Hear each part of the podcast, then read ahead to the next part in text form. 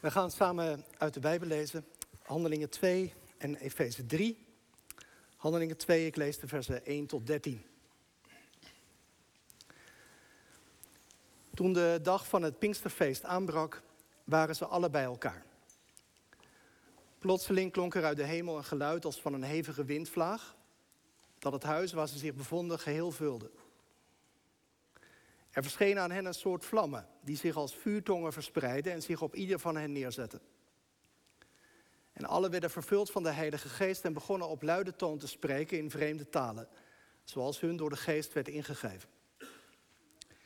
In Jeruzalem woonden destijds vrome Joden die afkomstig waren uit ieder volk op aarde. Toen het geluid weer klonk, droomden ze samen en ze raakten geheel in verwarring, doordat iedereen hen in zijn eigen taal hoorde spreken. Ze waren buiten zichzelf van verbazing en zeiden: Het zijn toch allemaal Galileërs die daar spreken? Hoe kan het dan dat wij hen allemaal in onze eigen moedertaal horen? Parten, Mede, Elamieten, inwoners van Mesopotamië, Judea, Cappadocië, mensen uit Pontus en Azië, Frigië en Pamphylië, Egypte en de omgeving van Cyrene in Libië, inwoners van Rome die zich hier gevestigd hebben, en ook mensen uit Kreta en Arabië, zowel Joden als proselieten. Wij allen horen hen in onze eigen taal spreken over Gods grote daden. Verbijsterd en geheel van hun stuk gebracht, vroegen ze aan elkaar: wat heeft dit toch te betekenen? Maar sommigen zeiden spottend: ze zullen wel dronken zijn. Tot zover de eerste lezing uit het vervolg van het Nieuwe Testament. De brieven van Paulus lezen we nu Efeze 3 vanaf vers 14. En in dat gedeelte wil ik zo meteen, bij dat gedeelte wil ik in bijzonder stilstaan in de preek. Efeze 3, vers 14. Daarom buig ik mijn knieën voor de Vader, die de Vader is van elke gemeenschap in de hemelsferen en op aarde. Mogen Hij vanuit zijn rijke luister uw innerlijke kracht en sterkte schenken door zijn geest, zodat door uw geloof Christus kan gaan wonen in uw hart en u geworteld en gegrondvest blijft in de liefde. Dan zult u met alle heiligen in staat zijn de lengte en de breedte, de hoogte en de diepte te begrijpen. Ja, de liefde van Christus te kennen die alle kennis te boven gaat, opdat u geheel vervuld zult raken van de volheid van God. Aan Hem die door de kracht die in ons werkt bij macht is oneindig veel meer te doen dan wij vragen of denken, aan Hem komt de eer toe in de kerk en in Christus Jezus, van geslacht op geslacht tot in alle eeuwigheid. Amen. Boven de preek heb ik geschreven overvloedige liefde. Broeders en zusters, hier samen in de kerk, thuis met ons verbonden, gemeente van Jezus Christus. De hoogleraar Eugene Peterson vertelt in een van zijn boeken het verhaal van twee vrienden, Fred en Cheryl, die in 1985 een kind adopteerden. In Haiti wachtte op hen een dochter van vijf jaar oud. Malia heette ze. De ouders van Malia waren omgekomen bij een verkeersongeluk en ze had verder geen familie. Al langere tijd woonden ze in een opvanghuis. Op de dag dat ze met elkaar thuis waren gekomen in Arizona, zaten ze voor de eerste keer met elkaar aan tafel. Fred en Cheryl, hun twee puberzonen en Malia. En Malia keek haar ogen uit. De tafel stond vol met eten maar in razend tempo schransten de twee zonen van alles naar binnen. De schalen met eten raakten leger en leger. En Cheryl merkte dat dat iets deed met Malia. Ze zat stilletjes aan tafel. En ze dacht, wat zou er door haar heen gaan? En toen realiseerde ze zich opeens dat hun dochter in de afgelopen jaren heel vaak honger had gehad. Voedsel dat van tafel verdween betekende voor Malia dat ze misschien een dag of meer geen eten zou hebben. En wat had Cheryl toen gedaan? Ze nam Malia mee naar de koelkast en liet zien hoeveel eten er was. Melk, groenten, jam, alles in overvloed. Ze pakte er sommige dingen uit en liet ze zien. Daarna gingen ze naar de voorraadkast en ze liet ook daarvan alles zien. En ze liet Malia sommige dingen in haar handen nemen. Kijk, zei ze, het is allemaal voor jou. Ten slotte liepen ze naar de diepvriezer en daar gebeurde hetzelfde. Cheryl liet zien dat Malia nooit meer honger zou hoeven lijden. Ze was thuis en er was genoeg. Peterson schrijft in zijn boek, het is nu 25 jaar geleden dat wij dit verhaal hoorden. Maar vanaf dat moment moet ik, telkens als ik Efeze 3 lees, denken aan Cheryl. Die haar dochter bij de hand nam en haar de overvloed van eten liet zien. Overvloed, er is meer dan genoeg. Dat beeld roept de apostel Paulus op in zijn brief. Je zou eens even mee moeten kijken als je een Bijbel bij je hebt.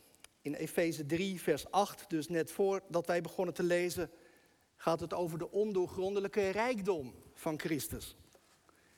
En in vers 19, dat lazen wij, gaat het over de volheid van God. Rijkdom, volheid. Het kan niet op en als je de brief achter elkaar leest, dan merk je dat dat eigenlijk ook een rode draad door de hele brief heen is. Het begint al in hoofdstuk 1, waar de apostel schrijft over de rijke genade die God ons in overvloed gegeven heeft. En in 1 vers 19, hoe overweldigend groot de krachtige werking van Gods macht is voor ons die geloven. God is, wil de apostel zeggen, een royale God. Een God die ruimhartig uitdeelt. En als dat ergens blijkt, dan wel in het geschenk van zijn zoon. Het gaat steeds in deze brief over Jezus Christus. Over zijn grote liefde voor ons, die zelfs al begon voordat de wereld er was. Over zijn genade, over zijn vergeving, over zijn zorg voor de gemeente.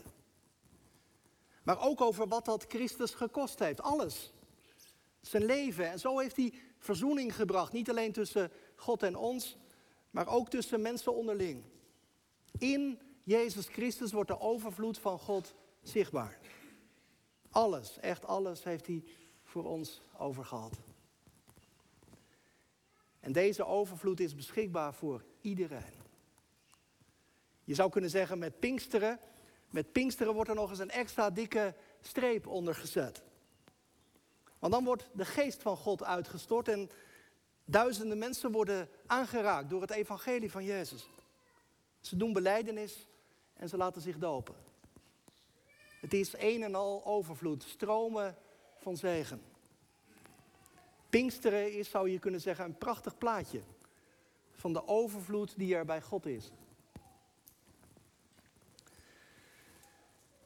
Tegelijkertijd zou je misschien ook iets van vervreemding kunnen voelen op dit moment. Want het zijn wel veel grote woorden. Het zal vast allemaal prachtig zijn en mooi, denk je misschien, maar intussen merk ik zelf weinig van die overvloed die er bij God is. Je probeert met God te leven, maar in je beleving kan die heel ver weg zijn. Of je zou er graag meer van willen weten, meer van willen beleven. Je hoort de jongeren die vandaag beleidenis doen. En je denkt, zou dat voor mij misschien ook kunnen, maar hoe dan? In vers 14, waar wij begonnen te lezen, zegt Paulus dat hij door de knieën gaat. Het was in die tijd gebruikelijk om staande te bidden. Alleen als teken van diepe ernst of van grote nood knielde men neer. Nou, dat is wat Paulus hier doet. Hij knielt neer. Je zou kunnen zeggen, zozeer gaat de christelijke gemeente hem ter harte. Dat hij voor hen door de knieën gaat en voor hen bidt. Dat is iets heel kostbaars als er iemand voor je bidt. Ik dacht, zo is er vast en zeker ook veel voor jullie gebeden die vandaag beleidenis doen. Door je ouders, door je grootouders. Misschien bent u er vanmorgen bij en zegt u, nou ik heb wel eens gedacht, ik weet niet of het zin heeft. Als je zoon of je dochter soms een kant op ging waarbij je je hart vasthield. Als het misschien leek of het evangelie geen vrucht droeg. En nu mag je vanmorgen hierbij zijn. Wat een zegen als je kind ja zegt. Vrucht van het gebed. Paulus, hij bidt intens voor de gemeente. En wat bidt hij precies? Nou, ik weet niet of u het merkte, maar ook dit gebed van Paulus heeft iets heel overvloedigs. De woorden die buitelen over elkaar heen. Maar misschien kan ik het zo uitleggen. Uh, Paulus bidt dat de gemeente die overvloed die er bij God is, zichzelf ook zal toe-eigenen. Dat ze ook echt persoonlijk delen in het heil van Jezus. Dat ze de kracht uitputten. Dat ze groeien in de verbondenheid met Christus. Geworteld en gegrond in de liefde. Vast verankerd in wat Jezus Christus heeft gedaan.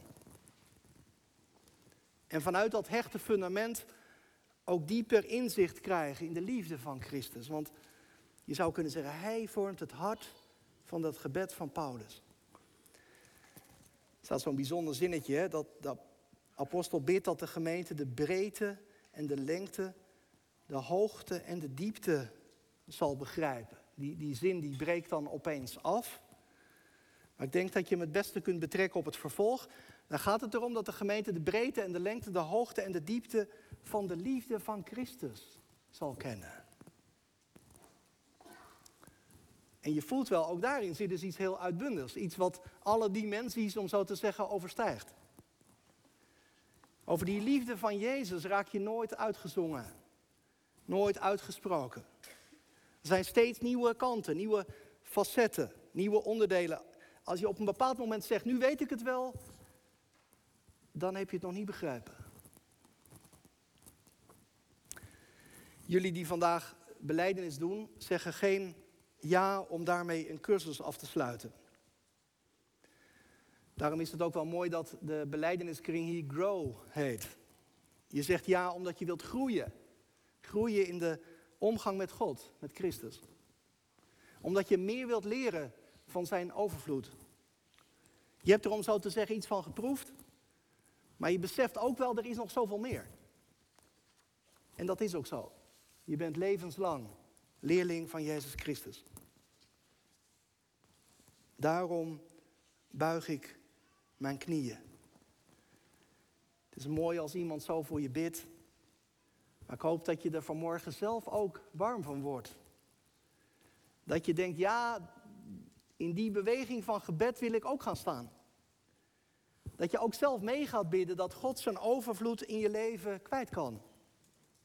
Dat je ogen meer open gaan voor de liefde van Jezus. En het mooie is, dat is nog iets anders wat ik wil onderstrepen, daar sta je niet alleen voor. Want in vers 18 staat met alle heiligen.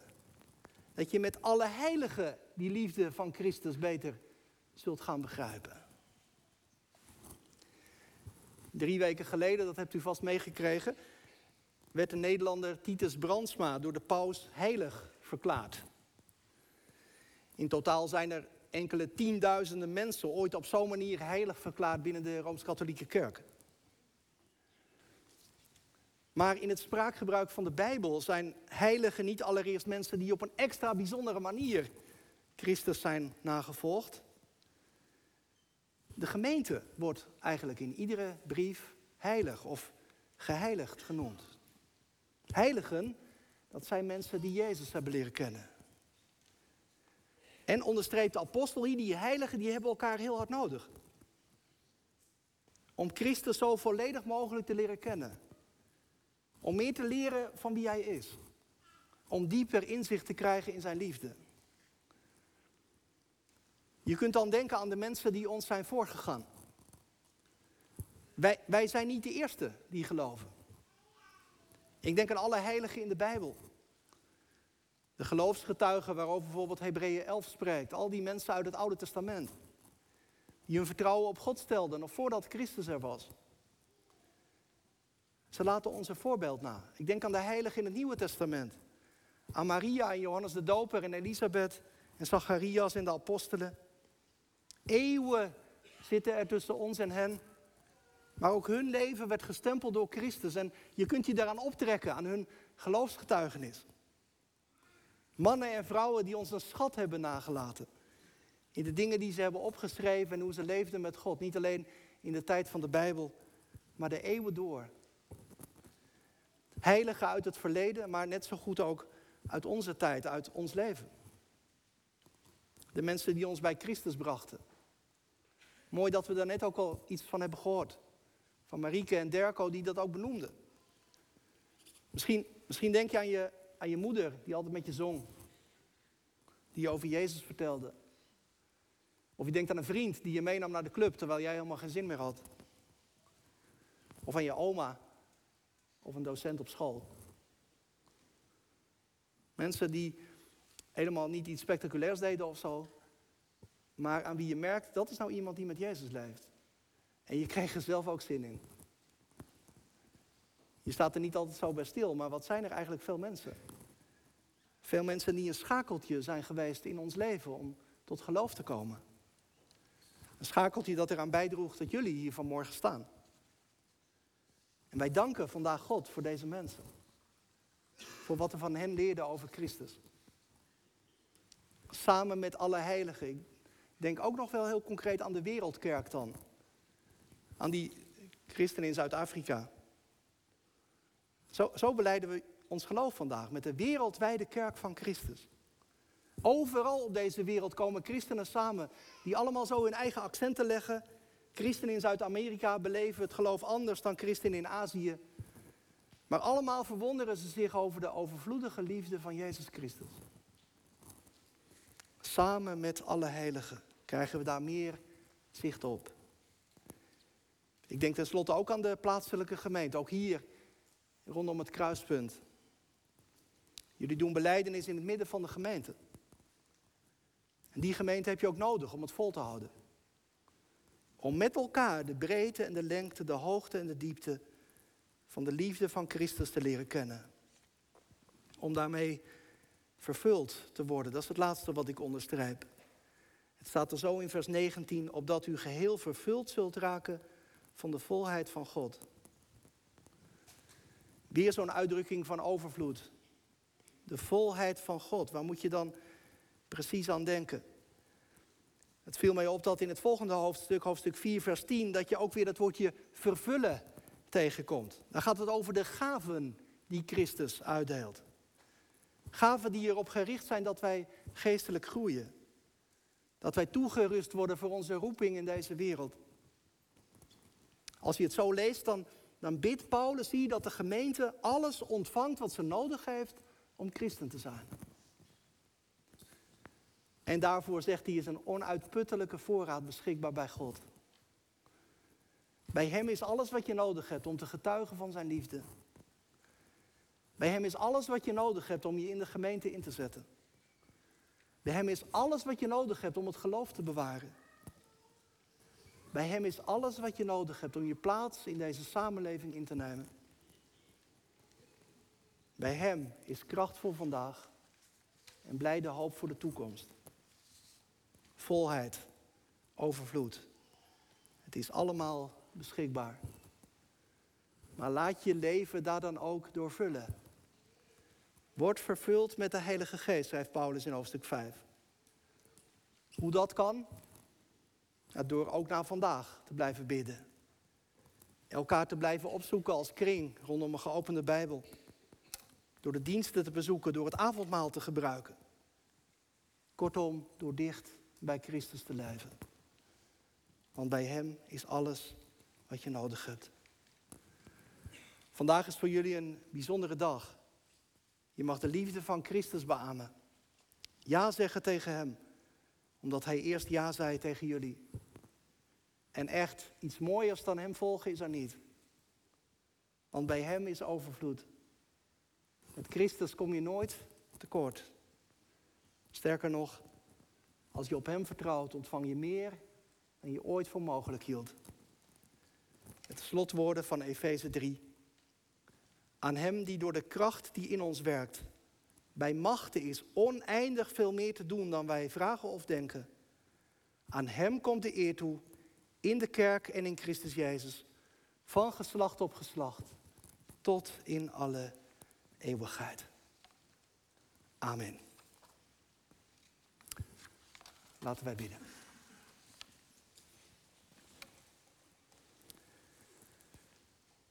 Vader in de hemel, wij buigen ons neer voor u. En wij danken u voor uw overvloedige liefde. Voor alles wat u aan ons kwijt wil. Wij danken u voor Jezus Christus voor zijn liefde, zijn genade, zijn trouw. En wij danken voor de Heilige Geest, die het allemaal aan ons uitdeelt. Vul ons met uw liefde. Deel uit wat ons ontbreekt. En wij danken dat wij er niet alleen voor staan, maar dat u ons aan elkaar geeft als gemeente. Dat wij ons voegen in een lange rij die de eeuwen door geleerd heeft op u te vertrouwen. Dat wij deel uitmaken van een wereldwijde kerk. Van broeders en zusters verspreid over deze wereld. Die allemaal iets ontdekken van uw onpeilbare liefde. We bidden in het bijzonder voor hen die het moeilijk vinden om te geloven. Voor wie het allemaal zo op afstand staat. Raak hen aan, heren. Wees dicht bij hen. Dat hun ogen opengaan voor uw overvloed. Wij danken u voor de kerk. Soms is het ingewikkeld in de kerk. Dan maken we het elkaar lastig. Maar we danken vooral voor die gemeenschap van heiligen. Dank dat u ons aan elkaar geeft. Verbonden in liefde die u aan ons geeft. Vader, Zoon en Heilige Geest. Uw naam zij geprezen. Amen.